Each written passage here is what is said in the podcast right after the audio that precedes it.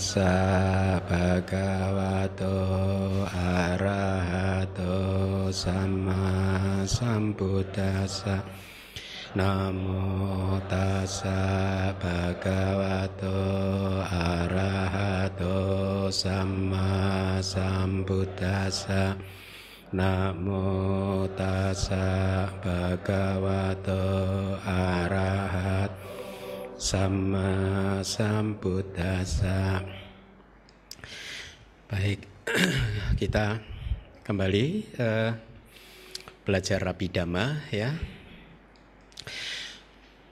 Kalau selama ini kelas-kelas yang sudah Anda pelajari itu adalah kelas tentang kama wacara cita ya saya harap Anda masih ingat, paham, sudah paham definisi dari kama wacara cita adalah kesadaran yang biasanya muncul di alam-alam lingkup indrawi ya. Karena kita saat ini berada di alam lingkup indrawi maka 54 jenis kesadaran tersebut biasanya muncul di batin kita. Setiap hari itu muncul. Tentu saja tidak semua 54 kama wacara cita muncul di batin kita karena ada dari 54 itu ada 9 kesadaran yang muncul. Itu khusus hanya di arus kesadaran Buddha, Arahat dan Paceka Buddha kan? Yaitu delapan maha kiriya cita dan juga somanasa sagata hasitup pada cita atau kesadaran yang memproduksi senyuman. Jadi dari kelompok ahituka cita, jadi sembilan jenis kesadaran ini tidak muncul di batin kita selama sehari-hari ini, tetapi e, sisanya 54 dikurangi 9 berarti ada berapa? 45 jenis kesadaran itu adalah kesadaran yang kita itu familiar. Setiap hari muncul di kita itu. Di batin Anda yang sering muncul yang mana kesadarannya? Yang 12. Aku salah cita. Atau yang maha kusala? Hah? Kalau kesadaran melihat, kesadaran mendengar, yang menerima dan lain sebagainya itu pasti muncul kan, ya. Nah, jadi menarik. Sekarang Anda sudah makin paham tentang uh, jenis kesadaran yang ada di hati kita ini, ya. Kalau uh, ke 54 jenis kesadaran kama wacara cita itu adalah kesadaran yang bisa muncul tanpa kita latih, ya tanpa kita latih dia muncul secara spontan terus atau mungkin kadang tidak spontan tapi sering kali muncul kan tanpa kesulitan kan. Nah, berbeda dengan jenis kesadaran tersebut, maka kesadaran yang kita pelajari pada malam hari ini adalah kesadaran yang harus kita latih. Kalau kita tidak melatihnya, maka jenis kesadaran yang malam ini akan kita pelajari tidak per, tidak akan pernah muncul di arus cita kita, arus kesadaran kita. Ya, kesadaran tersebut malam hari ini topiknya adalah rupa wacara citang atau kesadaran lingkup materi halus. Definisinya sama dengan kama wacara cita yaitu berarti mirip-mirip ya logikanya sama maksud saya rupa wacara cita berarti kesadaran yang biasanya muncul di alam Brahma materi halus. Apa itu alam Brahma materi halus?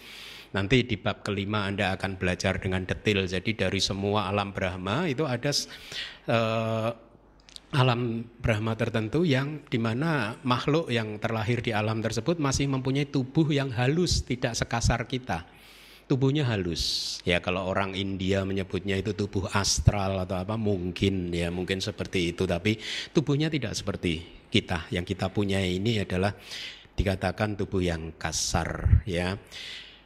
Nah, biasanya muncul di alam tersebut. Biasanya muncul di arus kesadaran para Brahma yang hidup di alam tersebut. Seperti yang minggu lalu saya katakan ada kata biasanya.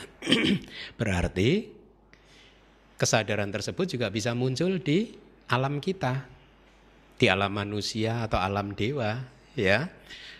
Kesadaran tersebut muncul di alam kita, di batin kita pada saat apa?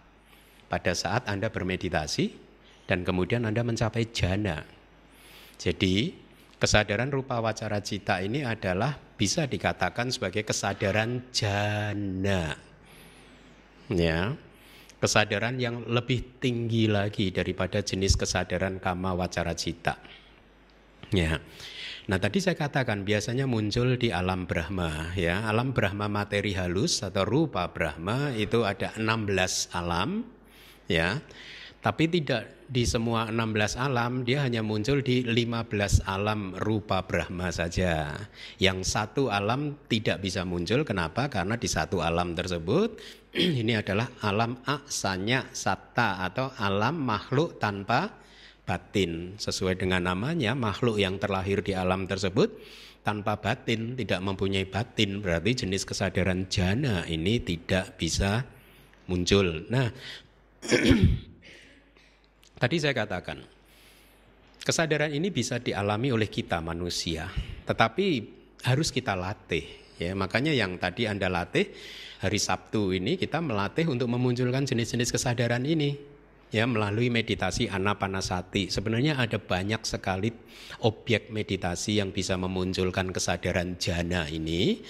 Eh, Buddha mengajarkan ada 40 objek meditasi samata ya. Eh, sebagian besar dari 40 objek meditasi samata ini bisa eh, dipakai untuk melatih sehingga Anda bisa memunculkan kesadaran jana ini. Ya, salah satunya adalah anapanasati membangun perhatian penuh pada nafas masuk dan nafas keluar. Nah, di kitab eh, apa?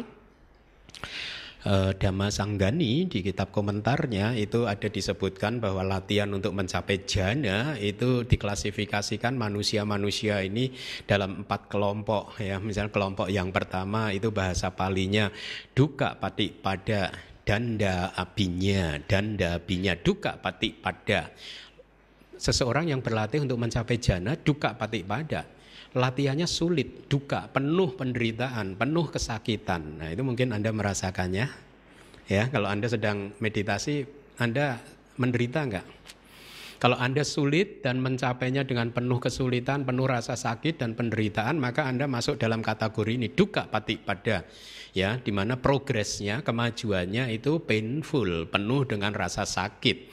Ya, kalaupun nanti kemudian Anda mencapainya dan setelah mencapai jana kemudian Anda berwipasana sukses di dalam wipasananya e, meskipun juga sulit di dalam wipasananya maka kategori yang pertama ini berbunyi duka pati pada dan dabinya artinya kemajuannya sulit untuk mencapai samata jananya sulit dan abinya abinyanya atau wipasananya itu pun juga sulit gitu. Jadi ada manusia-manusia jenis pertama ini yang mencapai samataknya sulit, kemudian mencapai wipasananya, kesuksesan wipasananya juga sulit.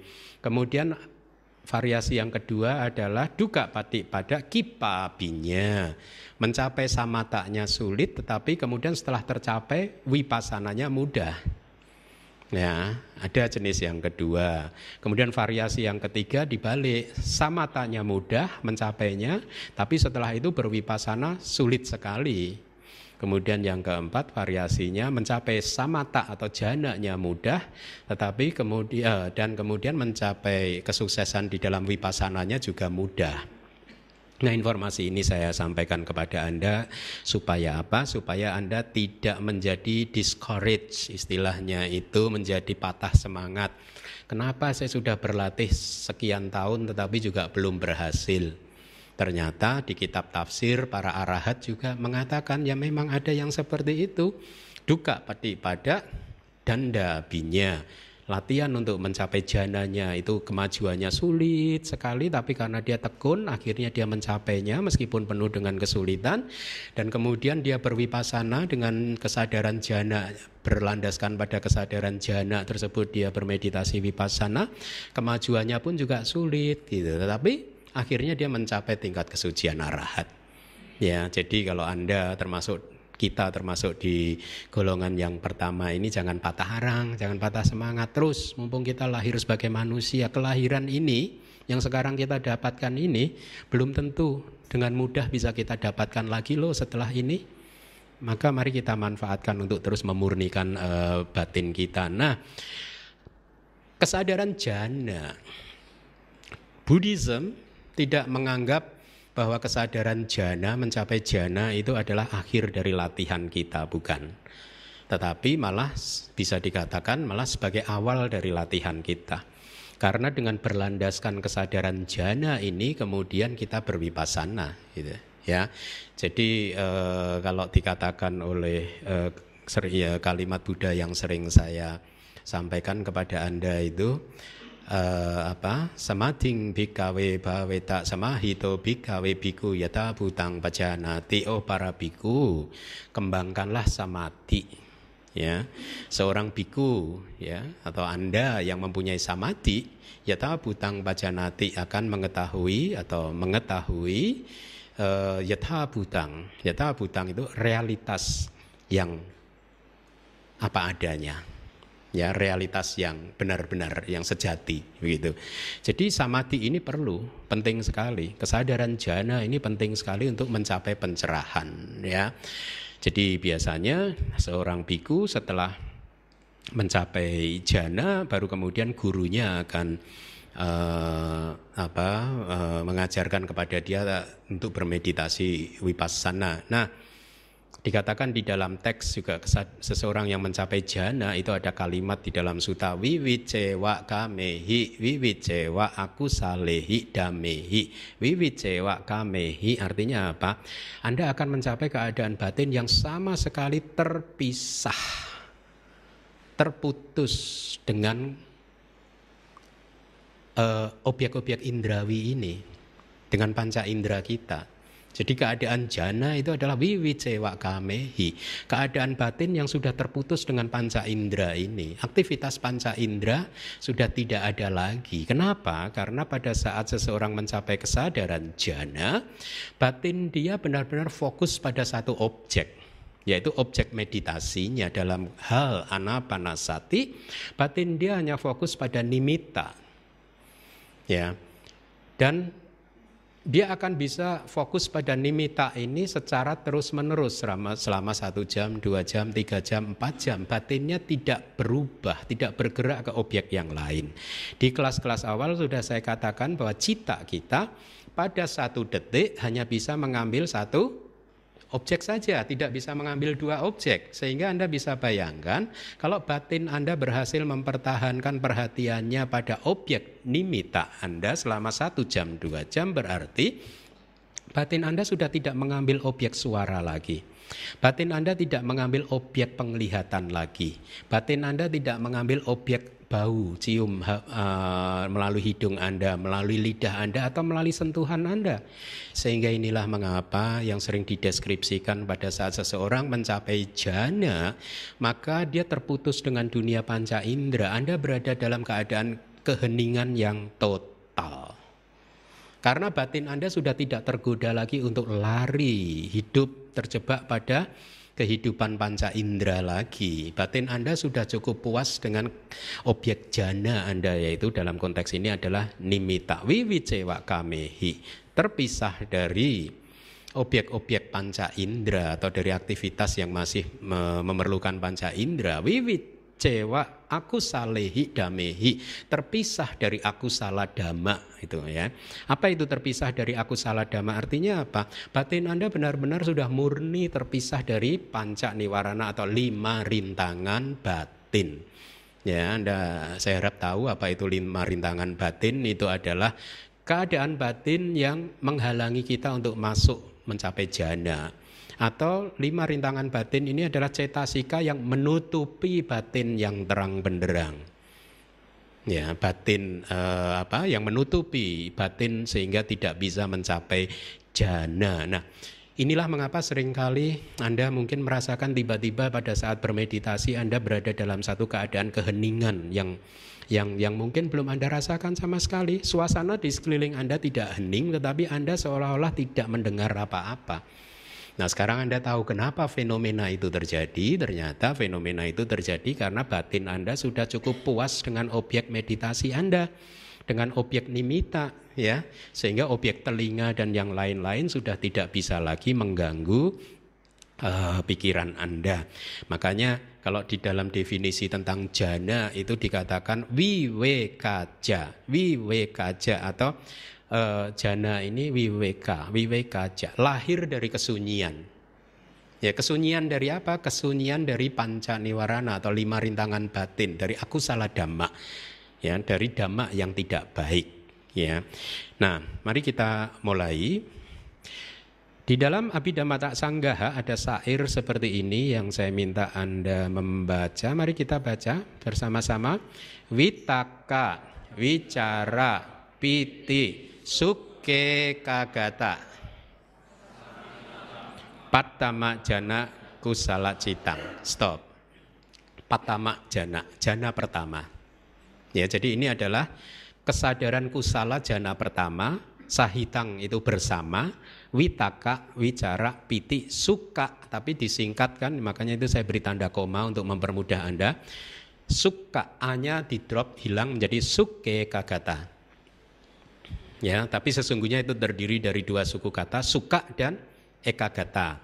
Nah, Anda hafalkan ini. Witaka, wicara, piti, suka, ekagata. Ada lima. Kelima hal ini, kelima cetasika ini adalah faktor ja. Nah, jadi kesadaran kusala jana yang pertama sahitang bersama dengan witaka, wicara, piti, suka, ekagata.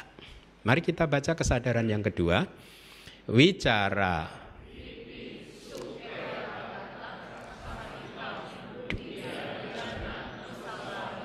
Anda perhatikan ada satu faktor jana yang hilang yaitu witaka. Terus yang ketiga?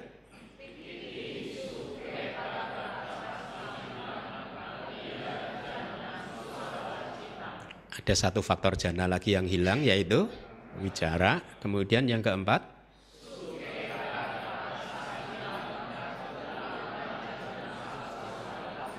Satu faktor jana lagi hilang yaitu Kemudian yang kelima,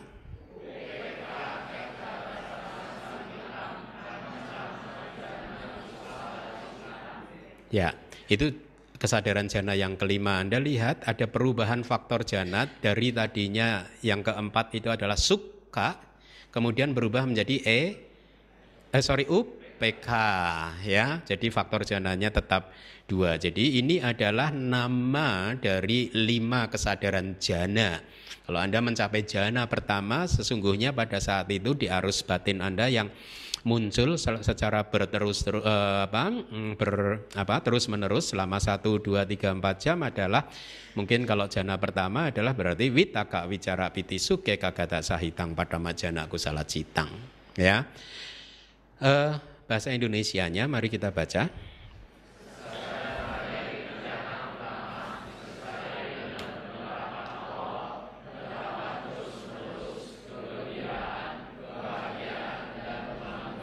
Ya, nah ini terjemahan saya dari Witaka Wicara dan seterusnya. Makanya saya sebenarnya lebih menganjurkan Anda untuk menghafal bahasa palinya ya supaya Anda tidak apa karena kadang terjemahan satu guru dan guru yang lain bisa berbeda-beda ya. Jadi Anda sekarang tahu ada lima faktor jana ya. Uh, kemudian yang kedua uh, mari kita baca.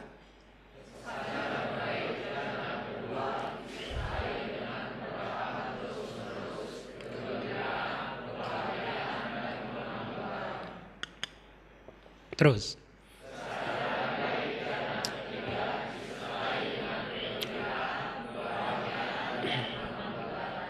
Terus.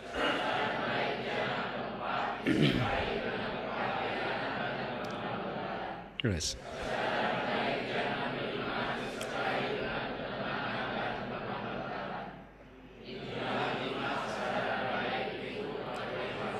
Ya, Anda harus pahami bahwa ini adalah lima jana lingkup materi halus karena minggu depan kita akan belajar tentang kesadaran jana yang non material. Ya, tapi hari ini adalah khusus kita mempelajari kesadaran jana yang masih apa eh, berhubungan dengan materi yang sangat halus. Nah, jadi kesadaran jana ada sahitang di sana bersama ya.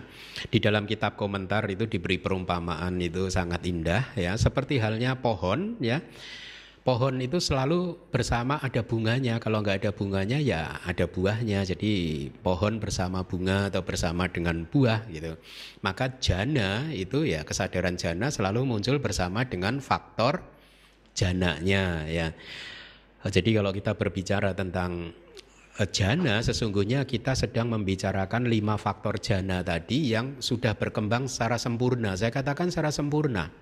Ya, kenapa? Karena sesungguhnya di dalam kehidupan sehari-hari ini pun juga kita faktor jana kita eksis, tetapi tidak berkembang secara sempurna. Ya, nah melalui meditasi inilah kita mencoba untuk mengembangkan kelima faktor itu secara sempurna. Itu nanti yang akan kita pelajari dalam uh, kelas kita uh, malam hari ini. Nah, mari kita lihat penjelasan dari kitab sub tafsir atau sub komentarnya. Tadi saya katakan bahwa jana materi halus itu kita bagi menjadi lima. Pembagiannya itu adalah berdasarkan faktor-faktor jananya atau bahasa palingnya janangga itu terdiri dari dua kata yaitu jana plus angga. Angga itu faktor jana itu adalah jana jadi faktor jana. Dan Anda harap ingat bahwa Jana pertama itu faktor jananya lengkap lima ya. Kalau Anda ingin mencapai jana yang lebih tinggi, maka faktor jana yang paling kasar yang harus ditinggalkan yaitu uh, witakanya. Ya, jadi malam hari ini kita hanya akan mempelajari tujuan saya adalah Anda mulai memahami kesadaran jana itu sebenarnya seperti apa, ciri dan karakteristiknya supaya Anda tidak apa uh, menganggap atau supaya Anda familiar, akrab dengan apa yang disebut atau sering disebut di dalam Buddhism sebagai pencapaian meditatif eh, yang disebut jana. Malam hari ini kita tidak membahas tentang teknik meditasinya ya karena teknik atau informasi-informasi tentang teknik meditasi untuk mencapai jana itu nanti akan kita pelajari di bab terakhir di dalam Abhidhamma Sanggaha yaitu di bab ke-9 ya. Nah, eh ada lagi dari kitab Wibawinitika Witaka atau penerapan awal itu adalah memikirkan secara mendalam. Ini apa penjelasannya? Menempatkan dama-dama yang muncul bersamanya ke objek A ramanang witak keti sampai yuta dame abiniropeti ti witako itu definisi dari witaka jadi memikirkan secara mendalam Meskipun di dalam konteks abidama, witaka itu tidak memerlukan aktivitas berpikir ya. Uh, kalau di dalam suta pitaka, witaka itu disebut sebagai aktivitas pikiran atau berpikir. Ya, tetapi di dalam abidama itu lebih pada kalimat yang kedua. Witaka adalah satu cetasika, faktor mental di dalam batin kita yang fungsinya karakteristiknya adalah menempatkan damak-damak yang muncul bersamanya. Damak-damak itu apa? Berarti menempatkan cetasika-cetasika dan juga cita, kita belum belajar cetasika. Nggak apa-apa ya, tapi uh, uh, untuk informasi awal saya sampaikan kepada Anda bahwa cita itu nanti pada saat muncul dia muncul bersama dengan cetasika, dengan faktor-faktor batin atau faktor mental seperti misalkan perasaan. Perasaan itu bukan cita tetapi cetasika ya atau persepsi atau kemudian tadi faktor jana tadi witaka wicara piti suka eka gata itu semuanya adalah cetasika yang muncul dengan cita dengan kesadaran jana nah Witaka, faktor jana witaka ini fungsinya menempatkan semua dhamma yang muncul bersama dengan kesadaran jana tersebut untuk bersama dengan objek. Jadi kalau dalam konteks meditasi samata anapanasati, witaka ini yang berfungsi tugasnya adalah menempatkan cita kita, mengarahkan cita dan juga cetasika yang muncul bersamanya ke objek nimitta. Atau pada saat Anda bermeditasi dan belum mencapai jana, witaka ini yang mengarahkan cita dan juga cetasika yang lain untuk bisa memperhatikan nafas. Jadi ada gerakan yang mengarahkan batin kita ke nafas atau mengarahkan batin kita ke nimita. Ini adalah tugas dari uh, uh, apa witaka. Ya, jadi tadi saya katakan cita kita yang sudah kita pelajari ini bukannya satu wujud yang independen, yang sendirian. Dia muncul bersama dengan faktor-faktor batin yang lain. Tetapi Cita dan cetasika ini bercampur sedemikian rupa, sedemikian apa halusnya, sangat sempurna sehingga dikatakan di dalam kitab tafsir itu ibaratnya eh, air sungai, katakanlah kita bicara tentang lima faktor jana, berarti ini ibaratnya adalah sungai dari lima sungai yang bertemu di air, uh, bertemu di samudra, bertemu di lautan. Airnya sudah bercampur kan? Kalau Anda mengambil satu ember dari lautan, dari samudra tersebut, Anda akan kesulitan untuk membedakan air ini dari sungai Witaka, air itu dari sungai Wicara, air ini dari sungai Piti, dan seterusnya ya sulit kan karena sudah bercampur dengan sempurna. Nah dikatakan di dalam kitab tafsir cita dan cetasika itu bercampur dengan sempurna seperti itu ibaratnya. Tetapi Buddha mampu memperhatikan dan membedakan dari apa e, cita dan cetasika. Inilah mengapa di kitab tafsir dikatakan Buddha telah melakukan pekerjaan yang bahkan lebih sulit daripada memisahkan air di samudra bahwa ini air dari sungai A, ini adalah air dari sungai B dan seterusnya. Nah, kita sekarang tahu bahwa witaka itu adalah batin uh, cetasika, faktor mental yang menempatkan cita dan cetasika yang muncul pada saat itu kepada objek, misalkan nafas, ya.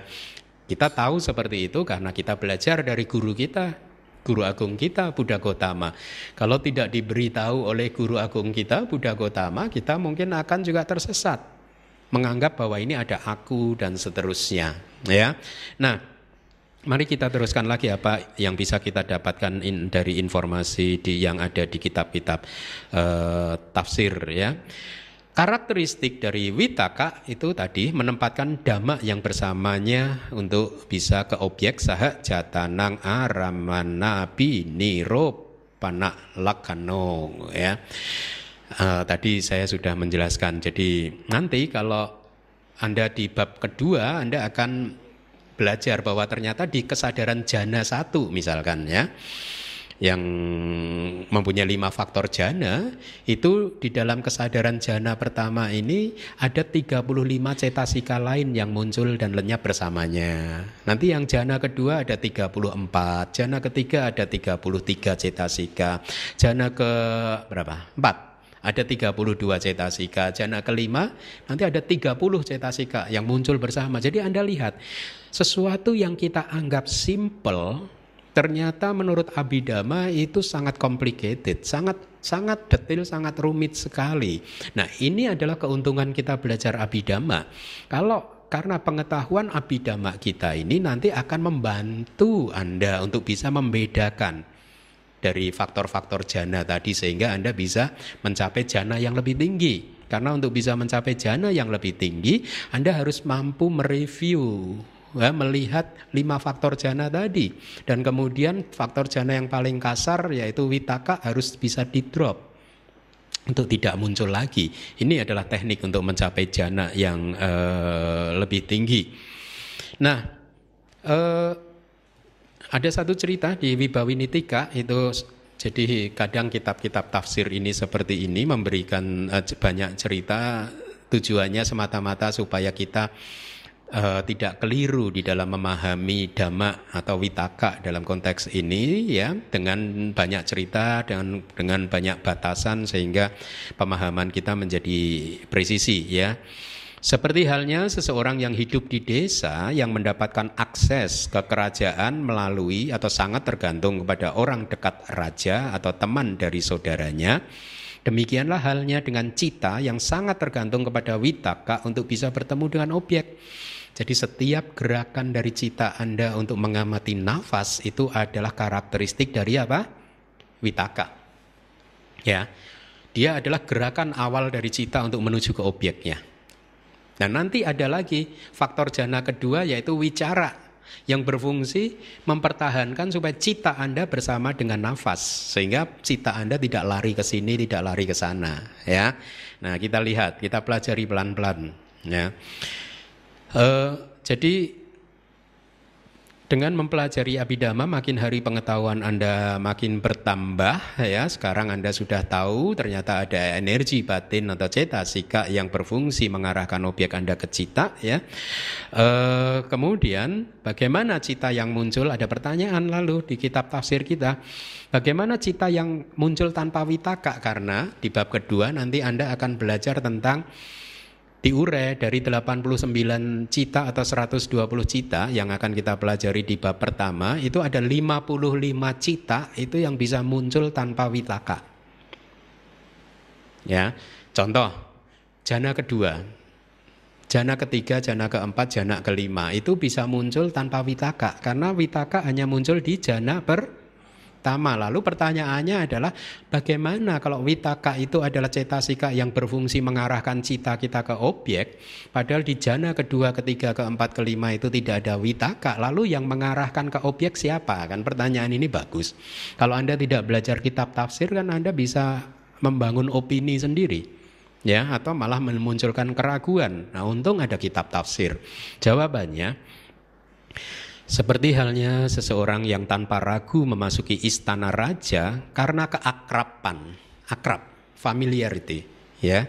Demikianlah dikarenakan oleh keakraban maka awitaka cita artinya cita awitaka tanpa witaka menemui objeknya tanpa witaka. Ya, jadi maksudnya gini, kalau Anda hafal pada satu tempat, Anda sudah hafal sekali, Anda sudah sering ke sana berkali-kali, maka Anda ke sana akan dengan mudah sekali, tidak membutuhkan bantuan siapa pun. Kira-kira seperti itu, ya, karena Anda sudah akrab sudah hafal. Contohnya Anda sudah hafal situasi di Bakti Sala ini ya.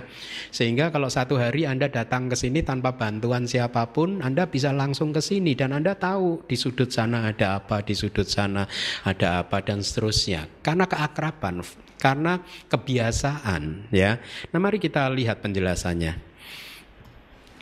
Yang dimaksud dengan keakraban atau bahasa palinya itu paricaya adalah pengembangan atau pengolah, pengolahan batin yang lahir melalui ini penting kesinambungan tanpa putus. Artinya kalau anda melatih jana batin anda itu arus dari cita anda dengan bantuan witaka itu bisa bertahan bersama dengan nimita selama berjam-jam satu jam, dua jam, tiga jam, empat jam atau lebih. Ini yang disebut kesinambungan tanpa putus meskipun strictly speaking ada jedanya, ada putus-putusnya.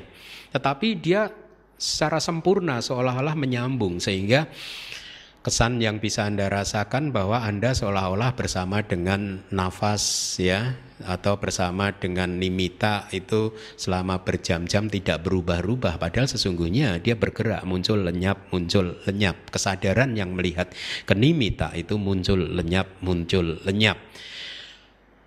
Kesinambungan tanpa putus dari berlangsungnya cita dengan witaka yaitu kesadaran jana tadi di dalam arus cita ya. Paricayoti cita sawitaka cita sa santane abinha pada pawati wasena nibata cita bawana jadi dengan latihan bermeditasi yang terus menerus pada saat Anda mau mencapai jana itu kan prosesnya Anda jelas sekali ya. Dari pertama kali uh, Anda mulai bisa mempertahankan nafas yang lembut, kemudian uh, pitik dan suka perasaan damai bahagia blissful sudah menjadi semakin kuat, tiba-tiba Anda mungkin mendapatkan objek nimita dan Anda berhasil mempertahankan di sana selama berjam-jam sehingga Anda akrab familiar seperti seseorang yang masuk ke kerajaan karena sudah akrab ya. Sehingga pada saat batin ini kesadaran ini dilatih untuk mencapai jana yang lebih tinggi jana kedua ketiga keempat dan kelima kesadaran tersebut sudah tidak memerlukan witaka lagi untuk e, mencapai jana yang lebih tinggi ya. Itu kira-kira seperti itu.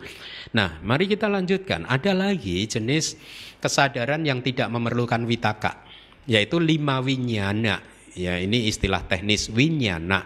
Anda masih ingat caku winyana sota winyana. Jadi ini istilah khusus. Sebenarnya maknanya sama. Winyana dan cita itu sama artinya. Tetapi dalam konteks abidama di dalam cita ini kita pisahkan. Winyana itu adalah cita yang berkaitan dengan panca indera kalau yang lain itu kita memakai istilah loba mula cita, dosa mula cita dan seterusnya ya. Jadi lima winyana adalah kesadaran mata, kesadaran telinga, kesadaran hidung, kesadaran lidah dan kesadaran tubuh. Jenis kesadaran ini bisa muncul tanpa witaka. Lalu bagaimana pertanyaannya? Kesadaran ini tidak mempunyai witaka kok bisa menemui objeknya? Kan seperti itu ya. Jawabannya adalah Uh, ini tadi sudah kesadaran jana kedua dan seterusnya menemui objeknya dikarenakan oleh daya pengolahan jana yang lebih rendah ini ini yang tadi saya jelaskan kembali lagi ke lima winyana menemui objeknya tanpa witaka karena daya bentur antara landasan dan objek Mata kita disebut landasan mata, telinga disebut landasan telinga. Jadi benturan antara landasan mata dan objek mata ini keras sekali.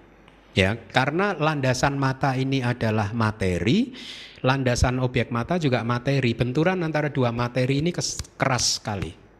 Kalau jana, kesadaran yang melihat ke jana itu landasannya adalah batin, non material ya. Kemudian objek dari jana juga bukan materi, bisa jadi konsep. Jadi benturannya itu uh, apa? berbeda.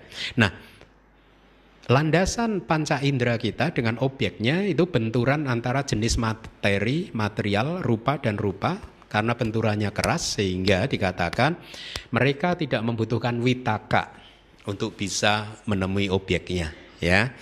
Uh, sangat bagus sekali eh, informasi-informasi uh, ini kalau uh, Anda pahami ya, jadi pengetahuan Anda semakin bertambah.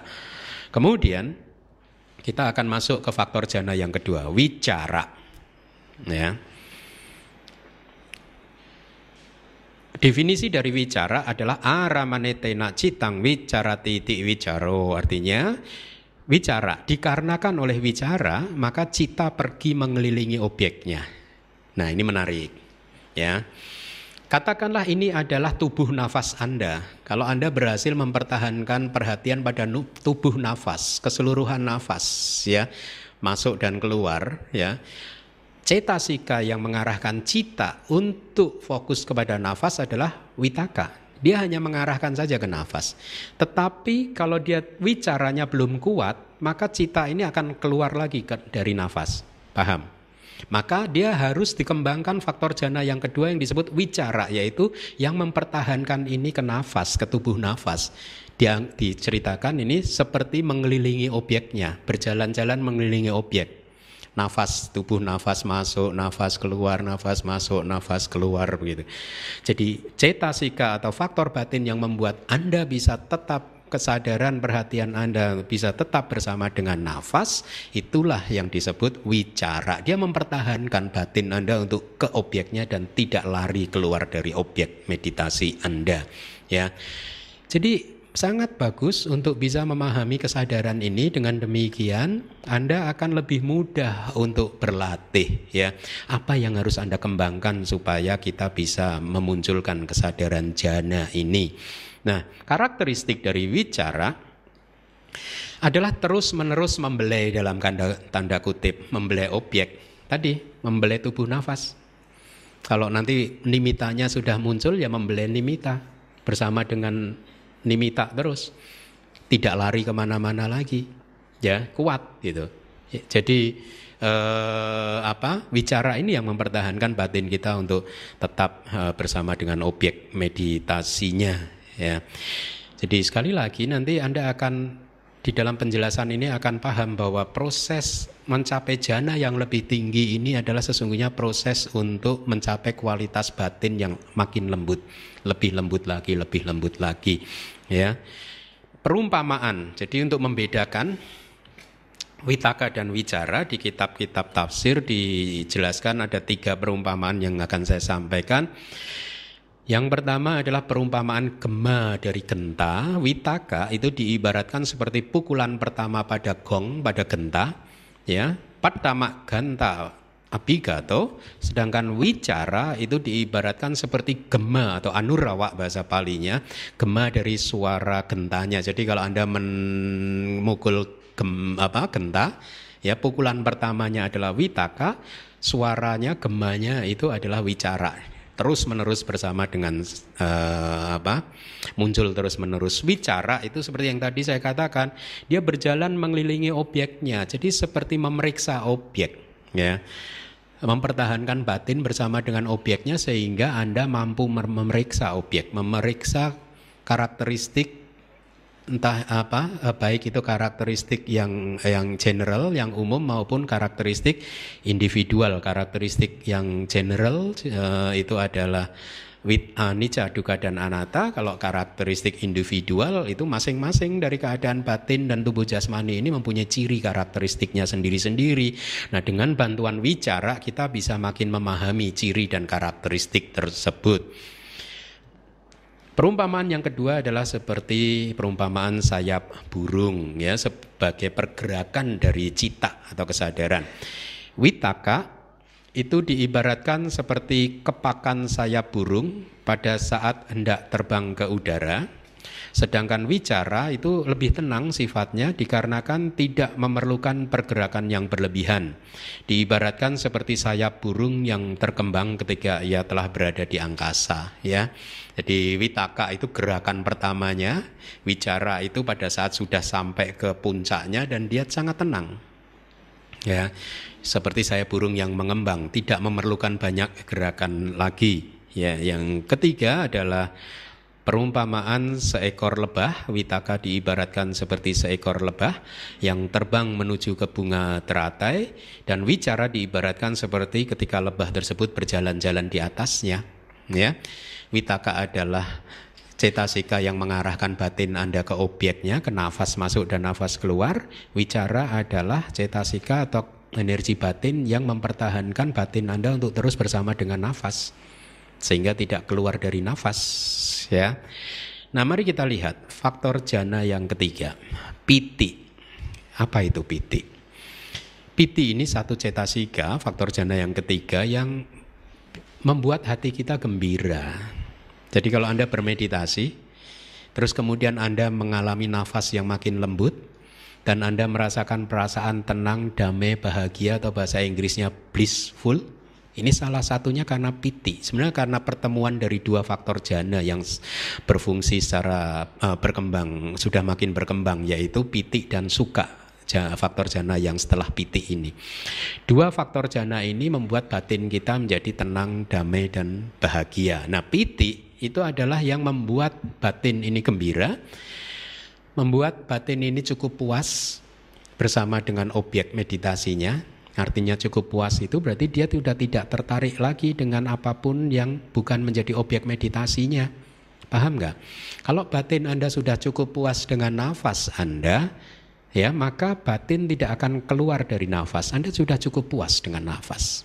Ya, ini adalah fungsi dari piti, membuat nafas menjadi menarik. Kenapa Anda puas? Karena nafas menjadi menarik. Ya, kalau Anda tertarik kepada sesuatu kan Anda sudah tidak akan bergerak ke tempat yang lain lagi kan?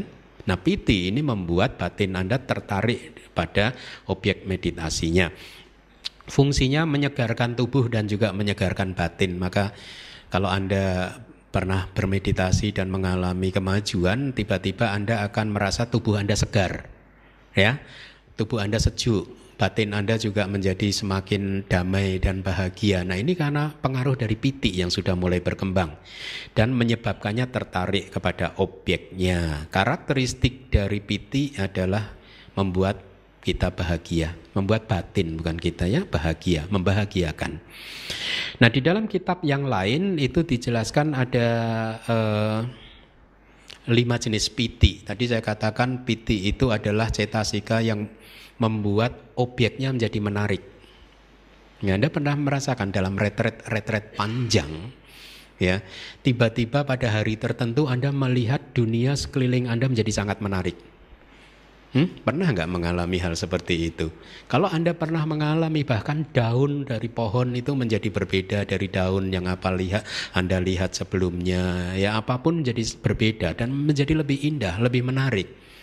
Kalau Anda mengalami hal seperti ini, ini sekarang Anda kenal bahwa itu adalah piti yang sedang bekerja. Piti yang sedang bekerja. Ya. Membuat objek menjadi menarik, kemudian tubuh menjadi segar, ya. Salah satu murid mengatakan katanya dia seolah-olah bisa berada seperti di depan kulkas yang terbuka, tubuhnya tiba-tiba terasa sejuk sekali gitu. Ya ini karena piti, faktor jananya yang uh, disebut piti sudah mulai berkembang. Nah, mari kita lihat lima piti. Ini dari kitab yang lain. Ada yang disebut kudaka piti kudaka itu kecil minor. Jadi rasa segar, rasa bahagia, blissful tadi munculnya sesaat kemudian hilang lagi untuk jangka waktu yang lama, sesaat lagi muncul hilang lagi gitu. Jadi uh, sering di, di uh, apa cirinya tiba-tiba tubuh Anda menjadi semacam apa uh, bulu bulu tubuh, rambut tubuh Anda menjadi berdiri begitu. Ya. Nah itu piti yang minor kudaka piti. Nanti ada lagi kanika piti. Jadi tubuh ini merasa segar sesaat demi sesaat gitu. Ya, ada lagi okantika piti ya. Ada eh, piti yang seperti menyirami. Jadi seolah-olah kita merasa sejuk itu seperti disirami oleh air yang sangat sejuk. Ya, tubuh kita uh, semakin sering merasakan kesejukan tersebut. Ya. Ada lagi ubega piti itu yang itu seorang meditator bisa akhirnya mengangkat tubuhnya Nah sekarang Anda tahu bahwa kalau ada seorang meditator bisa mengangkat tubuhnya, tubuhnya terangkat, ini karena piti. Bukan karena kesaktian apa-apa, karena piti. Ya. Kemudian yang kelima adalah parana piti itu adalah piti yang menyebar ke seluruh tubuh. Nah ini dikatakan kalau seseorang mencapai jana maka piti itu akan menyebar ke seluruh tubuh seperti uh, dalam kitab tafsir itu kalau kapas dicelupkan ke dalam minyak, minyaknya akan terserap di dalam kapas ke seluruh bagian dari kapas tersebut. Jadi pitik tadi akan menyebar ke seluruh tubuh Anda. Tubuh Anda menjadi sangat sejuk, ya, sangat ringan, ada perasaan damai, bahagia, tenang, ya, dan cukup puas bersama dengan nafas ini yang penting. Kenapa kita tidak bisa bersama dengan nafas masuk dan nafas keluar? Karena kita belum puas dengan nafas masuk dan nafas keluar, masih tertipu oleh persepsi masa lalu kita bahwa ada objek yang lebih menarik daripada nafas. Ya, sehingga akhirnya pikiran bergerak keluar terus dari nafas, ya. Karena pitiknya belum berkembang. Karena begitu pitik ini berkembang, maka nafas tiba-tiba berubah menjadi sangat menarik. Dan Anda cukup puas untuk bersama dengan nafas, sudah tidak tergoda lagi. Citanya, kesadarannya sudah tidak tergoda lagi dengan hal-hal yang di luar nafas. Ya. Nah, eh, tadi saya katakan kemudian yang faktor jana yang berikutnya adalah apa? Suka. Kita sudah belajar ada berapa jenis perasaan? Lima kan? Somanasa, domanasa, UPK, suka dan duka. Nah sekarang apakah suka di dalam faktor jana yang keempat ini sama dengan suka wedana di tubuh? Tidak. Apa istilahnya sama, sama-sama suka, tetapi suka di sini adalah sebenarnya mewakili soma nasa yaitu perasaan bahagia di batin. Kalau suka yang berkaitan dengan kesadaran tubuh itu kan perasaan bahagia yang berkaitan dengan tubuh kan. Kalau ini murni batin. Jadi suka di sini adalah somanasa wedana.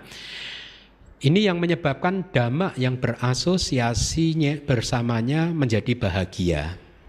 Ya, jadi kalau Anda mencapai jana, tadi saya katakan dua faktor jana ini, piti dan suka ini yang sering diterjemahkan menjadi blissful. Tenang, damai, bahagia dan itu di luar tidak bisa dideskripsikan lagi jenis kebahagiaannya berbeda dengan jenis kebahagiaan duniawi ya. Uh, Inilah mengapa kalau di, di, di Suta Buddha sering mengatakan ada tiga jenis kebahagiaan.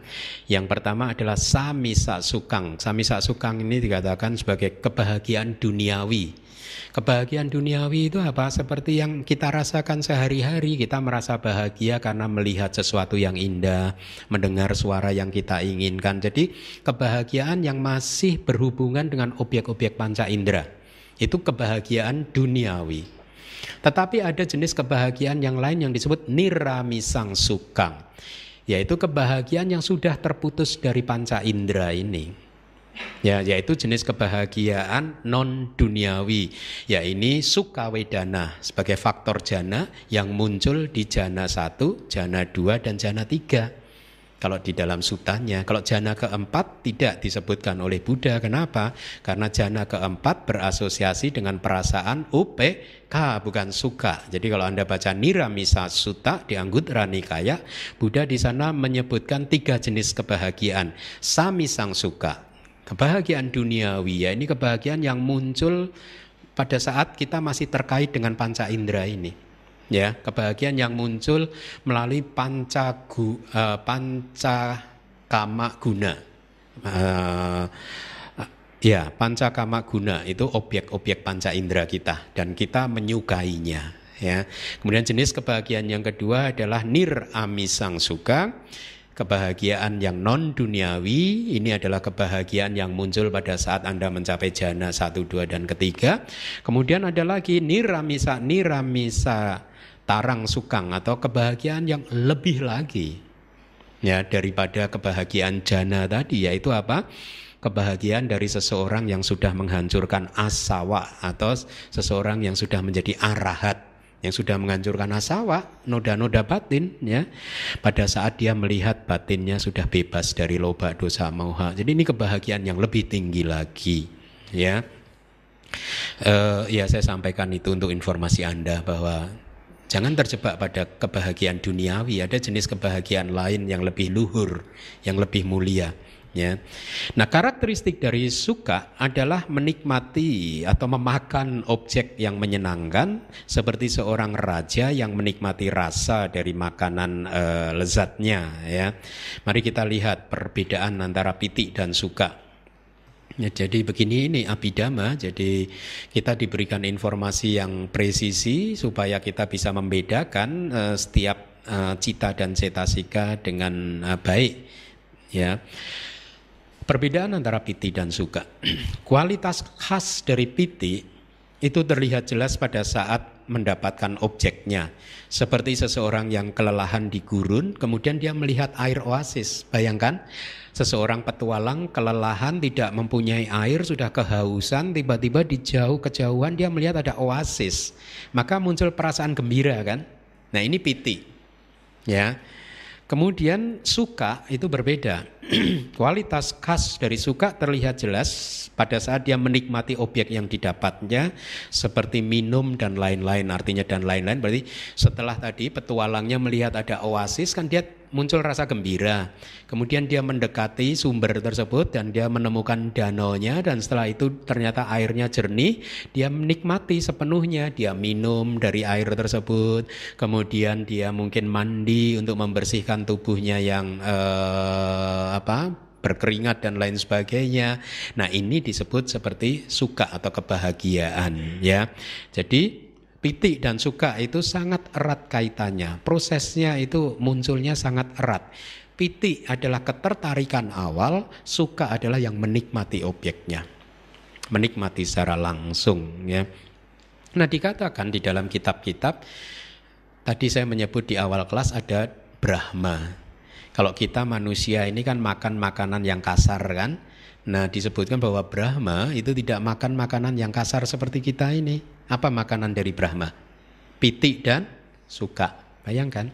Inilah mengapa seseorang yang mencapai jana dia bisa bersa, berada di dalam jana mungkin selama satu hari, dua hari dan mungkin tidak memerlukan makanan apa pun. Ya karena dia udah makan dengan pitik sukanya tadi. Ya. Uh, ada perbedaan lagi eh, di grup ada yang menanyakan tentang pancakanda. Ini sekarang saya jawab apa saya ini. Kalau piti itu adalah cetasika yang termasuk di kanda mana, agregat mana? Hmm? Sangkara kanda. Kalau suka itu agregat mana? Perasaan. Wedana kanda, agregat perasaan ya. Eh, itu yang eh, bisa kita uh, dapatkan dari faktor jana perbedaan antara piti dan suka. Kita masuk ke faktor jana yang terakhir yaitu ekagata atau sering disebut sebagai samadhi. Ya, jadi kalau kita berbicara tentang samadhi itu sesungguhnya kita bisa dikatakan sedang membicarakan faktor jana yang kelima ekagata yang sudah berkembang secara sempurna ya uh, adalah keadaan batin yang hening ya hening. Kenapa? Karena manunggal. Karena batin sudah bersama dengan satu objek sehingga suara sudah tidak bisa lagi mengganggu dia. Kenapa? Karena batin benar-benar bersama dengan nimita, satu objek saja. Berada dalam keheningan yang total tidak terganggu lagi oleh objek yang berbeda-beda itu definisinya. Nana aramana wikepa abawena ya satu titik objek yang identik saya beri garis bawah objeknya identik Artinya apa? Sebenarnya objeknya muncul lenyap muncul lenyap terus, tetapi objek yang sama lenyap kemudian objek yang sama lagi identik muncul lagi, sehingga seolah-olah objeknya terus sama, ya. Nah, eh, karakteristiknya adalah ketenangan, membuat anda tenang, tubuh anda menjadi ringan, ya dalam keadaan mencapai jana dikatakan tubuh Anda seolah-olah sensasi ini sudah tidak terasa lagi lenyap ya. Batinnya menjadi seimbang awik kepak lakana. Dikarenakan olehnya atau dikarenakan oleh ekagata tersebut maka kesadaran atau cita yang berasosiasi dengan ekagata juga menjadi tenang dan seimbang. Jadi eka itu satu ya. Anda familiar kan dengan kata eka satu aga itu apa bagian jadi satu bagian. Pada saat eka gata ini berkembang, maka samadhi berkembang. Batin Anda benar-benar berhenti di satu bagian objek saja. Sudah tidak bergerak ke sana sini lagi, ya. Uh, jadi ini adalah lima faktor jana yang kalau Anda ingin mencapai jana maka kelima faktor ini yang harus Anda kembangkan secara maksimal, secara sempurna. Tadi di awal saya katakan bahwa di dalam kehidupan sehari-hari ini pun sebenarnya lima faktor jana juga eksis. Tetapi dia tidak berkembang secara sempurna sehingga tidak bisa dikatakan sebagai faktor jana. Jadi di dalam pada saat Anda sekarang mendengarkan suara saya pun itu witaka wicara berfungsi, tetapi tidak berfungsi secara maksimal ya. Inilah mengapa karena witaka itu lemah di dalam kehidupan sehari-hari maka kita sering mengantuk. Kalau Anda sering mengantuk itu karena batin Anda kekurangan energi. Kenapa? Karena tidak ada pergerakan energi ya, maka eh, apa akhirnya batin eh, jatuh tertidur. Ya. Atau eh, kalau wicara Anda lemah maka efeknya apa? Ya sering keraguan-raguan, ragu saya harus begini atau harus begitu ya. Saya harus ke DBS atau tidak? Saya harus mendengarkan kelas abidama atau tidak? Ya, karena bicara anda lemah. Ya. atau kalau piti faktor jana yang ketiga itu lemah maka efeknya apa? Hmm? karena piti berfungsi untuk membuat objeknya menjadi menarik. Betul kan? Kalau yang berfungsi membuat objek menjadi menarik ini lemah berarti efeknya objek menjadi tidak menarik karena tidak menarik maka muncul kemarahan.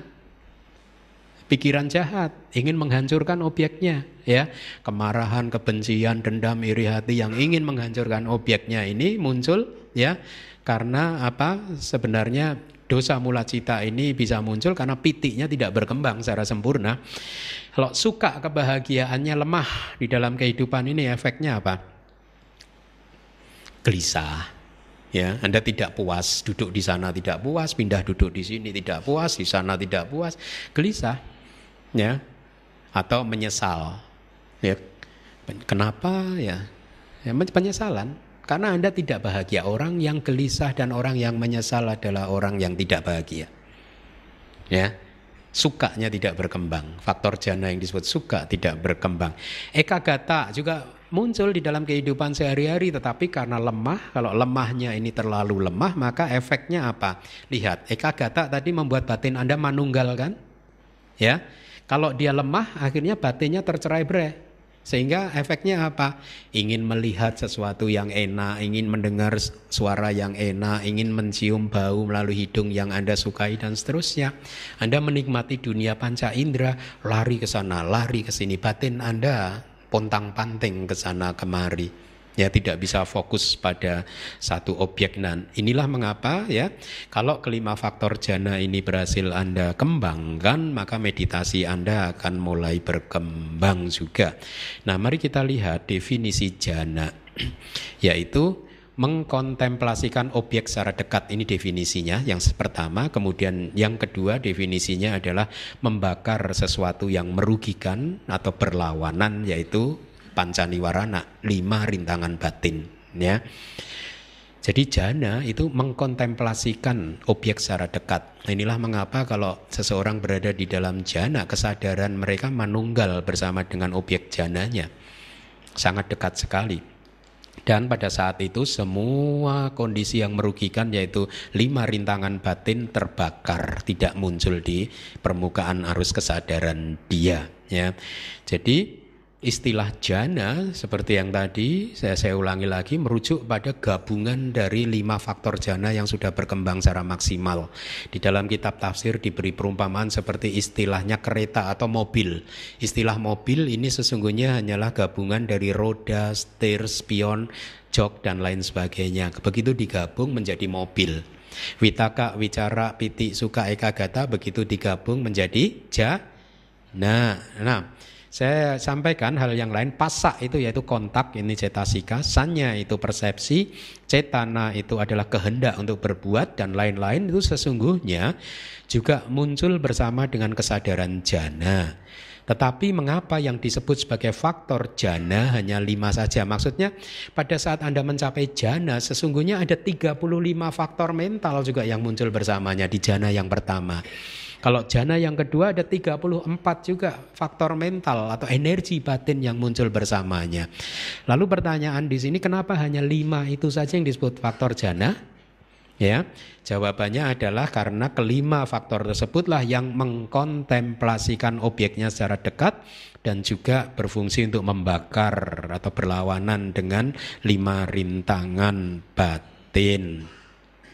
Saya ambilkan dari kitab Dhammasanggani Kata ya eh, halaman 167 dari Pali Text Society.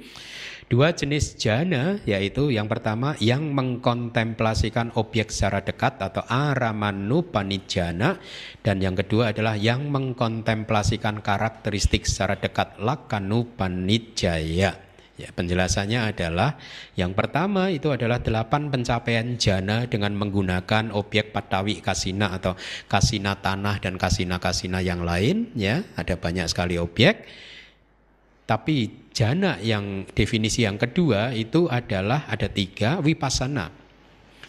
Jadi pada saat Anda berlatih wipasana Anda sedang mengkontemplasikan karakteristik secara dekat. Karakteristik apa pada saat Anda berwipasana, Anda mengkontemplasikan anicca, dukkha, dan anatta secara dekat. Pada saat Anda berwipasana, Anda mengkontemplasikan karakteristik individual dari misalkan loba, yaitu apa? Karakteristik individualnya adalah menggenggam objeknya atau dosa karakteristik individualnya adalah menjadi bengis, menjadi kasar terhadap objeknya ya. Jadi ini uh, definisi ini maka uh, wipasana juga bisa disebut sebagai jana tetapi ya saya ingatkan rupa wacara jana atau jana yang kita pelajari malam hari ini adalah jana dari definisi yang pertama ya. Kemudian yang kedua maga atau jalan itu disebut juga jana yang mengkontemplasikan karakteristik secara dekat. Kenapa? Karena kalau kita bermeditasi vipassana, sebenarnya kita sedang menuju ke titik akhir dari latihan vipassana kita. Kunci kesuksesan vipassana kita adalah kemunculan kesadaran yang disebut maga cita atau kesadaran jalan. Nah, kesadaran jalan ini mengambil objeknya nibbana. Fungsi dari kesadaran jalan adalah yang mengambil objek nibbana ini adalah membakar kilesa. Ya, kalau Anda berhasil memunculkan kesadaran jalan, maka kekotoran batin Anda akan terbakar sampai tidak muncul secara bertahap, secara gradual dia akan terjadi. Nah, Puncak dari latihan vipassana adalah memunculkan maga cita atau kesadaran jalan. Inilah mengapa maga cita juga disebut sebagai jana dalam artian dia mengkontemplasikan karakteristik secara dekat. Kemudian yang C, yang ketiga pala atau buah. Ini adalah jenis kesadaran yang muncul setelah maga. Begitu kesadaran maga lenyap, kesadaran pala atau buah muncul. Disebut juga sebagai lakanu panijana atau jana yang mengkontemplasikan karakteristik secara dekat. Kenapa? Karena kesadaran pala atau buah mengkontemplasikan secara dekat karakteristik dari niroda saca atau kebenaran tentang niroda, yakni nibbana.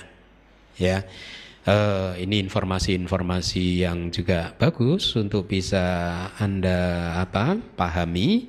Mari kita teruskan. Saya akan uh, sampaikan apa yang kita dapatkan dari kitab tafsir tentang bagaimana kelima faktor jana itu bekerja pada saat seseorang mencapai jana. Witaka tadi seperti yang saya katakan menempatkan cita ke objek, misalkan nafas masuk dan nafas keluar atau nimita Ya. Wicara mempertahankan cita tersebut untuk terus berada di dalam nimita. Piti akan menyegarkan dan membuat cita tubuh gembira, segar, ya. Suka akan membuat tumbuh dan berkembang. Artinya apa? Perasaan blissfulnya menjadi tumbuh dan berkembang. Tenang, damai dan bahagianya menjadi semakin menguat, ya.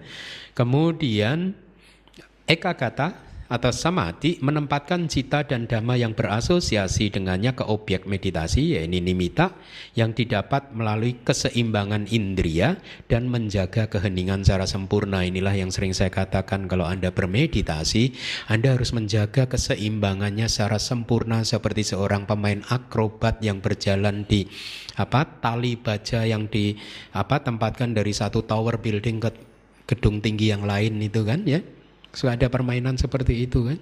Dia harus benar-benar tenang, seimbang. Sedikit dia tidak seimbang, dia akan jatuh.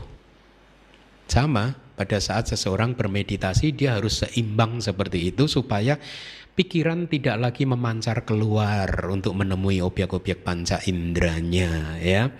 Nah, eh, Tadi dikatakan keseimbangan indria itu apa yang disebut indria di sini? Ada lima indria yang harus kita kembangkan secara sempurna dan harus seimbang yaitu apa? Sadda wirya sati samadhi panya. Ya nanti di bab lain kita akan belajar tentang panca indria ini yang harus dikembangkan secara sempurna dan seimbang. Nah kita lanjutkan Faktor jana dan panca niwarana. Tadi saya sudah sampaikan panca niwarana, lima rintangan batin yang menutupi jana, yang membuat seseorang gagal masuk ke dalam jana. Faktor jana yang menjadi lawan atau bahasa palinya pati paka untuk panca niwarana, lima rintangan batin adalah sebagai berikut. Jadi Anda lihat ini sudah saya buatkan tabel. Kelihatan nggak? Kelihatan ya. Faktor jana yang pertama witaka itu berlawanan dengan tina mida. Kemalasan dan rasa kantuk ya. Keterangannya witaka itu muncul dalam bentuk aktivitas, energi kan tadi membawa ke objek kan. Kalau malas dan kantuk kan males, ngantuk.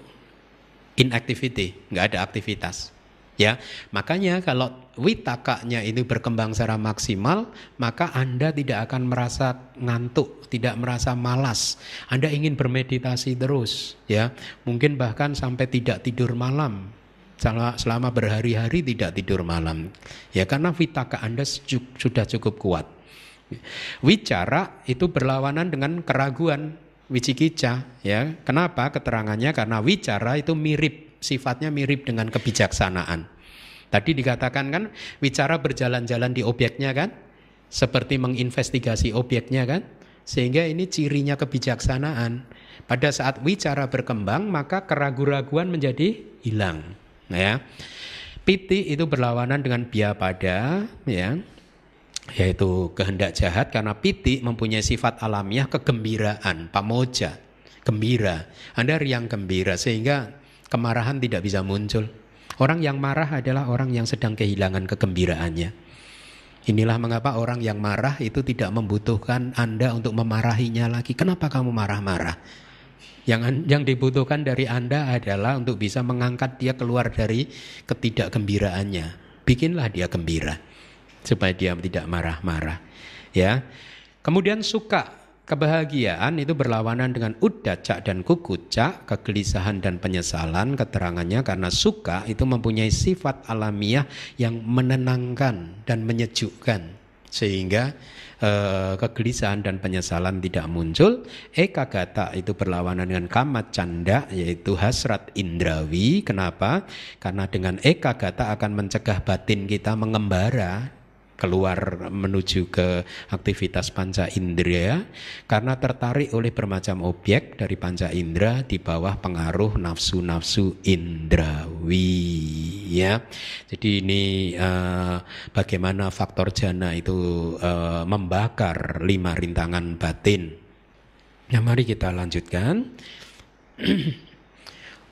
ini adalah uh, tadi definisi dari jana upanijana kicataf ya. Jadi mempunyai fungsi dari upanijana mempunyai fungsi untuk mengkontemplasikan objek secara dekat. Kama adi yaitu kama dan lain-lain yaitu kama canda biapada dan fak apa rintangan batin yang lain. Sante supi cak hanye su panca ewa jana sanyi tati. Jadi uh, uh, hanya lima panca ewa hanya lima Uh, inilah yang disebut sebagai jana karena dia mempunyai fungsi untuk mengkontemplasikan objek dan melawan kama janda. Tadi juga sudah saya sampaikan ini informasi terus saya sampaikan supaya tujuan saya sebenarnya adalah Anda mempunyai pemahaman yang firm, yang kokoh, yang muncul dari kitab suci dan kitab tafsir, bukan dari opini-opini Anda. Ya, ini tujuan saya. Nah, Faktor jana UPK itu termasuk di dalam suka karena mempunyai ciri keheningan dan kedamaian ya. Tadi sudah Anda masih ingat nggak faktor jana kelima itu apa saja? UPK dan ekagata. Faktor jana keempat apa? Suka dan ekagata. Tapi kenapa yang disebutkan faktor jana hanya lima? Suka saja, tidak UPK. Ya, penjelasannya ini karena UPK mirip dengan suka dalam hal ketenangan, kedamaian ya. Uh, karena sifatnya yang damai, penjelasan dari Wibangga Adakada dan Wisudimaga, maka UPK dikatakan juga sebagai suka. Jadi faktor jananya yang dimasukkan hanyalah suka, bukan tidak perlu dikatakan UPK-nya ya. Keduanya sebenarnya sama-sama wedana, sama-sama perasaan ya. Uh, nah ini juga menarik. Kenapa di dalam kesadaran jana itu kita tidak membedakannya menjadi uh, kesadaran jana yang muncul secara spontan dan tidak spontan seperti di kesadaran loba mula cita dan yang lain-lain ya yang dibedakan menjadi spontan dan tidak spontan. Mari kita lihat apa penjelasan di kitab tafsir. Kita tidak bisa mengatakan bahwa jana itu adalah kesadaran aksangkarika atau yang tanpa dorongan atau yang spontan. Kenapa? Karena Jana tidak muncul hanya karena hak saja adik kara. Artinya patik sandi dengan tiga akar. Artinya begini. Seseorang yang bisa mencapai jana itu adalah seseorang yang patik sandinya, kesadaran penyambung kelahiran kembalinya mempunyai tiga akar. Ya, kalau Anda belum bisa mencapai berarti Anda kemungkinannya dua akar. Karena kalau Anda sudah bisa mencapai berarti confirm Anda tiga akar kesadaran penyambung kelahiran kembalinya. Nah, tadi dikatakan Oh, tidak bisa hanya karena tiga akar saja tidak bisa orang seseorang otomatis mencapai jana. Maka tidak bisa dikatakan kesadaran jana ini spontan. Karena apa? Dia harus berlatih. Meskipun dia tiga akar, dia harus masih harus berlatih. Jadi kalau dikatakan kesadaran yang spontan tidak bisa karena harus dilatih. Ini maksudnya. Sebaliknya, kalau dikatakan ini adalah bisa disebut karena dia harus berlatih, berarti kesadaran jana adalah kesadaran dengan dorongan dong. Kan begitu? Karena kan harus dilatih meditasinya. Ya, jadi kesadarannya sak sangkarika dengan dorongan. Dijawab tidak bisa juga. Karena meskipun Anda berlatih, kalau ternyata kesadaran pertama Anda masuk ke kandungan mama Anda, kesadaran yang menyambung kehidupan Anda dari kehidupan lampau ke kehidupan sekarang itu adalah dua akar, maka sekeras apa pun Anda berlatih, Anda tidak bisa mencapai jana. Inilah mengapa tidak bisa atau tidak dibedakan menjadi aksangkarika spontan dan sak sangkarika atau dengan dorongan ya. Uh, yang berikutnya uh, ini sudah saya katakan ya mari kita lihat klasifikasi 4 dan 5 jana ini saya sampaikan kepada Anda supaya Anda tahu dan tidak bingung kenapa di dalam Abhidhamma kita berbicara tentang 5 klasifikasi jana rupa wacara jana sementara di Sutta Pitaka Buddha hanya menyebutkan 4 rupa wacara jana ya. Nah, di dalam abidama kita harus presisinya harus tinggi karena ternyata ada saja makhluk-makhluk yang meninggalkan apa faktor jananya satu persatu. Nah kita lihat di tabel ini lima jana dan empat jana, kemudian faktor jana. Jana pertama di lima jana dan jana pertama di empat jana itu sama, mempunyai lima faktor. Tetapi jana kedua di klasifikasi lima jana itu tidak ada padanannya di empat jana. Kenapa? Karena faktor jana yang kedua ada empat yaitu kecuali witaka yang tadi sudah kita baca. Ya, nah di Suta Pitaka disebutkan klasifikasi empat jana di jana kedua itu sama dengan jana ketiga di klasifikasi abidama. Kenapa? Dalam hal mempunyai tiga faktor jana yaitu witaka dan wicara. Jana keempat di abidama sama dengan jana yang ketiga di Suta Pitaka dalam hal mempunyai sama-sama dua faktor jana yaitu tadi kecuali witaka dan wicara. Ini kecuali witaka, wicara dan piti. Jana kelima sama dengan jana keempat di Sutta Pitaka dalam hal ada dua faktor jana yaitu apa? UPK dan ekagata. Ya jadi Anda jangan bingung kenapa ada hal seperti ini. Nah sering kali kemudian dikatakan hmm, Abhidhamma nggak benar, bukan ajaran Buddha. Yang benar Sutta Pitaka. Ya, sekarang kita lihat kalau yang benar itu adalah komposisi jana di Sutta Pitaka yang ada hanya klasifikasinya hanya ada empat jana, maka saya akan sampaikan ada satu suta di tiga nikaya yang bunyinya seperti ini. Tayome bikawe samati. Oh, para biku ya. Uh, ada tiga samati ada tiga konsentrasi. Yang pertama adalah sakwitaka sakwicaro samati, konsentrasi dengan witaka dan wicara. Berarti di, jana berapa ini? Ada witaka, ada wicara. Dua-duanya ada kan, abidama dan suta ada kan? Tapi di Diga Nikaya ini ada kalimat berikutnya, awitaka wicaro mato samati. Jadi ada jana yang tanpa witaka tapi dengan wicara. Di Sutta Pitaka ada nggak? Nggak ada. Adanya di Abhidhamma Pitaka. Kemudian kalimat yang ketiga, awitaka wicaro samati. Samati tanpa witaka dan tanpa wicara. Dua-duanya ada. Jadi kita tidak bisa mengatakan suta lebih benar dari abidama atau abidama lebih benar dari suta. Seperti di kelas pertama saya katakan, pengetahuan suta pitaka dan abidama Anda akan saling melengkapi. Ya, Nah, eh,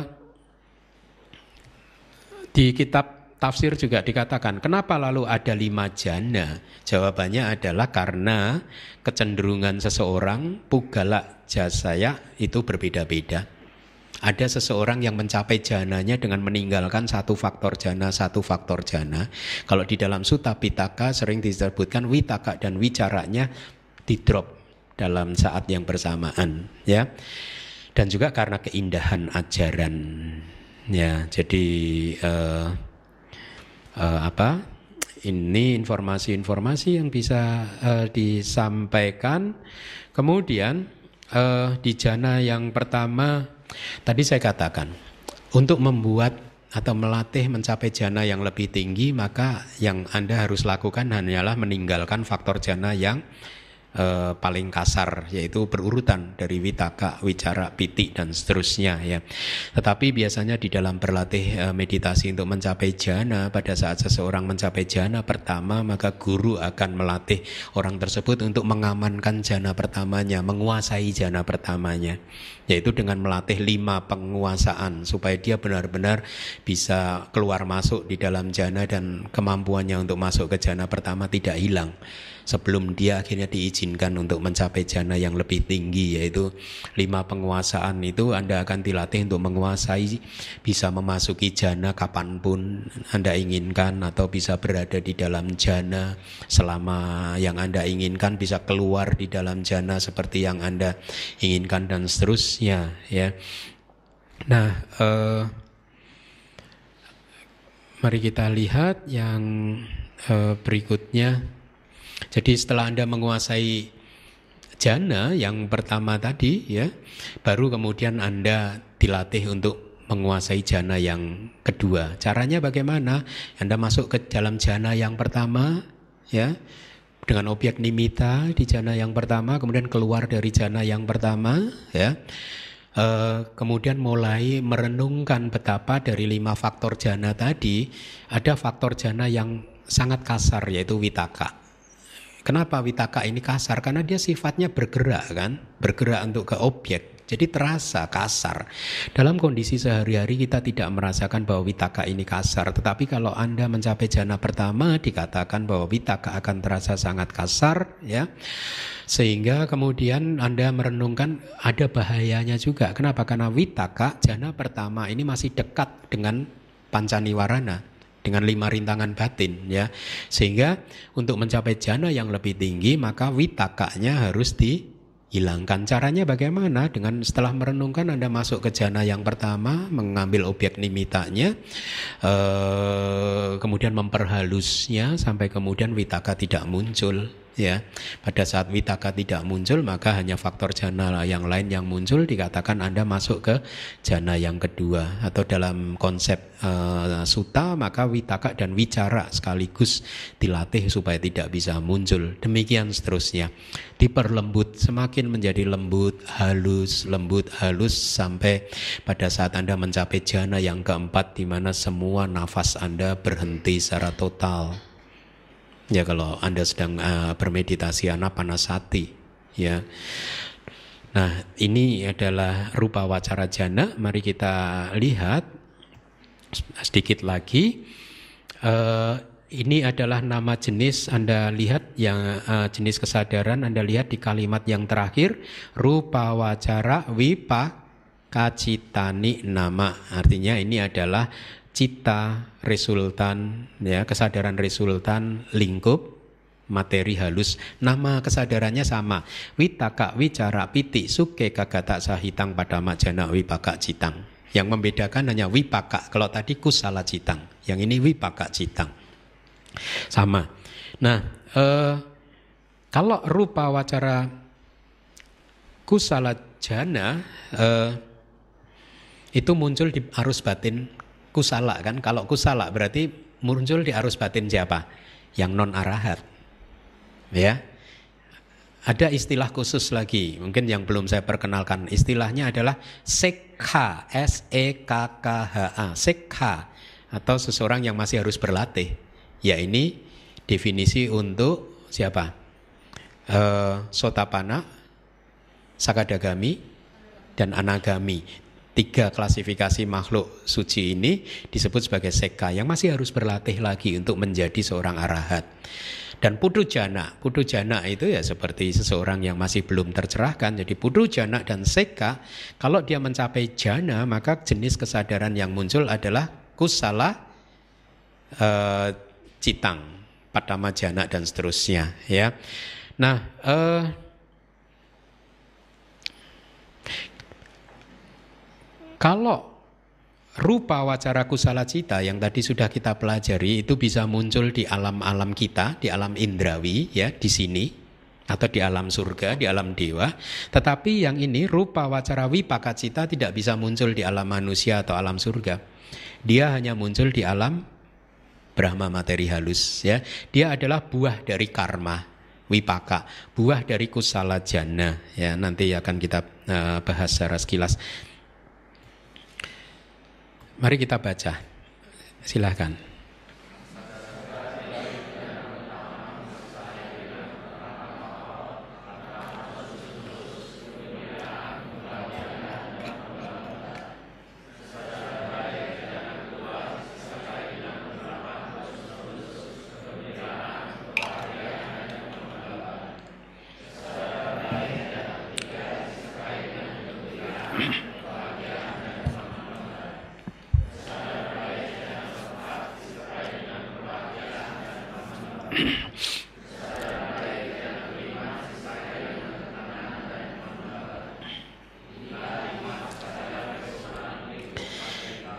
Iya, resultan ya. Anda bedakan namanya masih sama tapi di sini resultan kalau yang tadi adalah kusala. Nah, saya akan jelaskan bedanya ya. Jadi tidak seperti resultan di lingkup indrawi. Kita udah belajar kan? Wipaka di kamawacara wipaka. Ya, di lingkup indrawi resultannya itu ada berapa? Aku salah wipaka ada. Ini adalah buah dari aku salah cita kan? Betul. Dia identik atau tidak identik? Tidak. Betul? Aku salah cita karmanya dan wipakanya identik nggak nama kesadarannya? Tidak identik ya. Kemudian wipaka yang lain adalah kusala ahituka cita. Ini adalah buah karma dari maha kusala. Identik tidak? Tidak identik kan?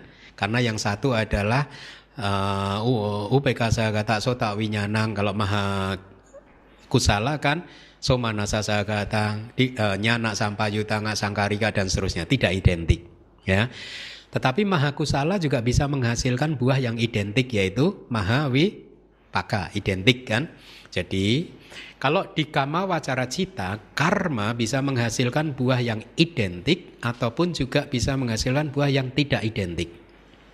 Tetapi di kesadaran jana, buahnya selalu identik. Makanya nama dari kesadarannya juga identik, sama. Jadi kusala jana, ru, uh, kusala rupa wacara jana dan wipaka rupa wacara jana itu nama kesadarannya identik. Jadi maksudnya seperti ini. Kalau Anda berhasil menguasai katakanlah empat jana semuanya, ya. Dan kemudian seseorang orang tersebut yang sudah menguasai jana di detik-detik akhir di dalam kehidupannya dia berhasil mempertahankan masuk di dalam jana.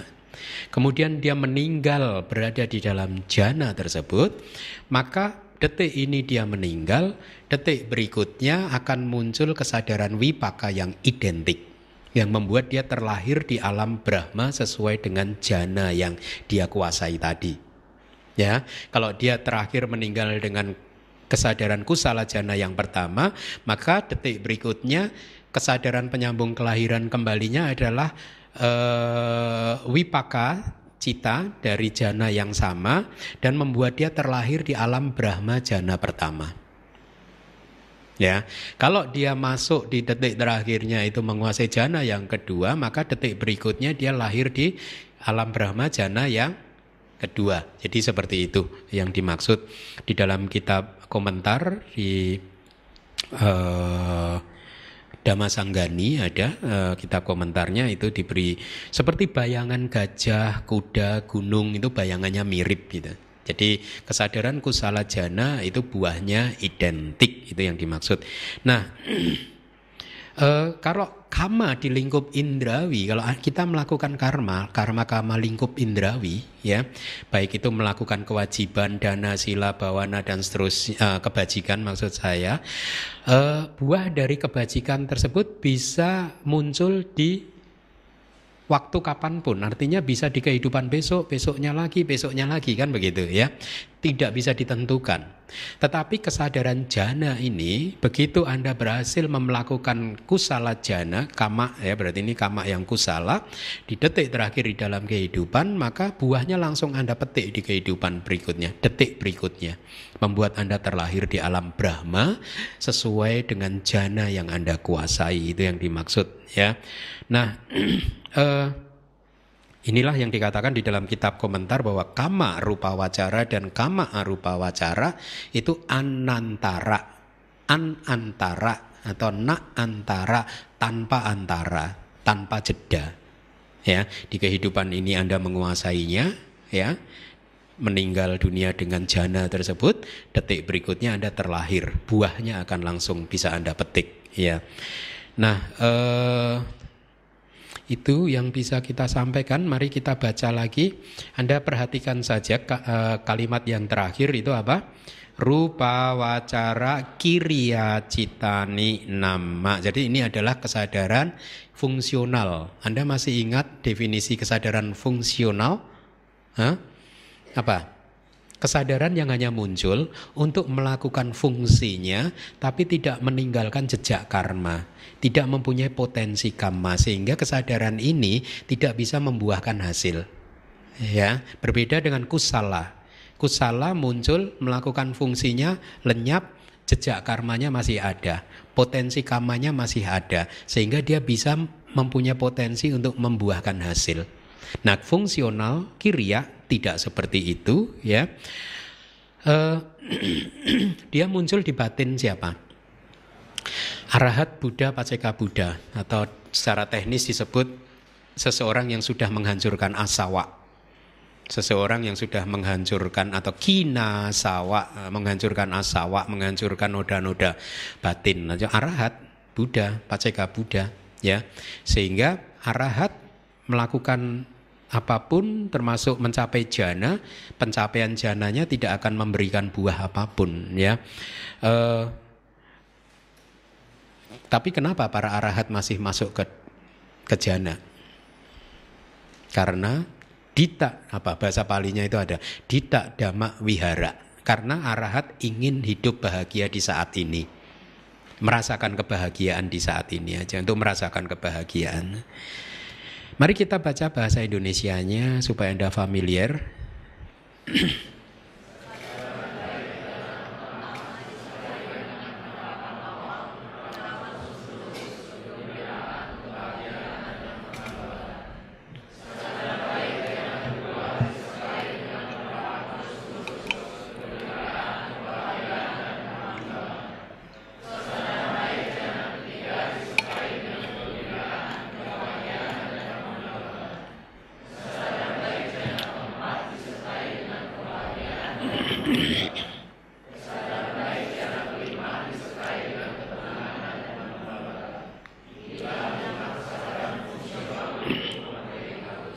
Ya bagus. Jadi tadi saya katakan bahwa arahat pun ya pada saat dia sudah menjadi seorang arahat seperti Buddha itu juga setiap hari beliau berdiam di dalam jana. Kenapa? Karena tadi saya katakan bahasa palinya tidak dhamma wihara yang ingin apa uh, hidup bahagia di saat ini merasakan kebahagiaan di saat ini karena untuk hidup di dalam keseharian ya masih terjebak dengan kama wacara cita meskipun itu maha kiria itu sangat troublesome ya sangat melelahkan. Sehingga uh, Buddha dan para arahat ya pada saat saat ingin menikmati kebahagiaan di saat kekinian dia akan memasuki jana nah uh, pada saat seseorang berlatih meditasi dan kemudian mencapai jana selama dia bukan arahat, maka kesadaran jananya seperti yang tadi saya katakan adalah kusala jana ya. Kemudian keluar dari jana dia bermeditasi vipassana dan berbuah meditasi vipassananya dia mencapai tingkat kesucian arahat pada saat itu. Dan setelah mencapai tingkat kesucian arahat dia kembali lagi masuk ke jana. Maka pada kali ini kesadaran yang masuk eh, yang muncul apa? Dari jenis kiriya cita ya. Ini yang uh, yang fungsional. Dan kemudian setelah itu mungkin arahat tersebut hidup di dalam keseharian. Dia membabarkan damatok seperti Buddha ya mengajari muridnya atau melakukan kebajikan-kebajikan yang lain melatih sila dan lain sebagainya atau menghormati orang yang pantas dihormati menghormati dhamma. Ini kan semua kebajikan. Nah kebajikan tersebut dilakukan oleh siapa kesadaran yang mana?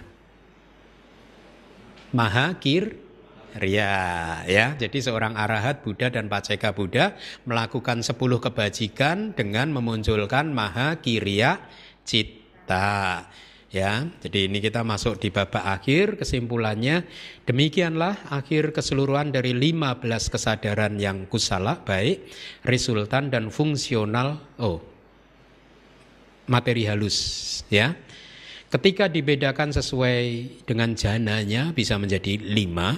Ketika dibedakan berdasarkan kusala, wipaka, dan kiriat menjadi lima belas. Ya. Tadi sudah saya katakan wipaka adalah buah dari rupa wacara kusala jana. Uh, dan dengan demikian kiria adalah uh, uh, jenis kesadaran yang muncul di batin seorang arahat yang mencapai tingkat kesucian arahat. Biasanya di dalam kitab-kitab kita dikatakan bahwa seseorang yang mencapai tingkat kesucian arahat itu ada kalimat yang sangat bagus. Beliau akan mengucapkan kina jati wusitang brahmacaryang na parang itatayati. Artinya kina jati, kehidupan kelahiran telah dihancurkan. Jadi seorang arahat sudah menghancurkan kelahiran, sudah menghancurkan kehidupan, dia tidak akan terlahir lagi setelah ini. Wusitang brahmacaryang. E, berarti kehidupan suci telah dijalankan. Ada yang lain, katang karaniang tadi. dan what should be done. Apa yang harus dilakukan sudah dia lakukan semua. Jadi sudah tidak ada latihan-latihan lagi yang harus dia kembangkan. Nah, parangita tayati. Sudah tidak ada lagi keadaan yang selain ini gitu. Artinya apa? Inilah kehidupan dia yang terakhir. Setelah dia bana sudah tidak ada lagi kelahiran, tidak ada lagi kehidupan. Ya, demikian berarti uh, kita cukupkan kelas kita malam hari ini. Terima kasih.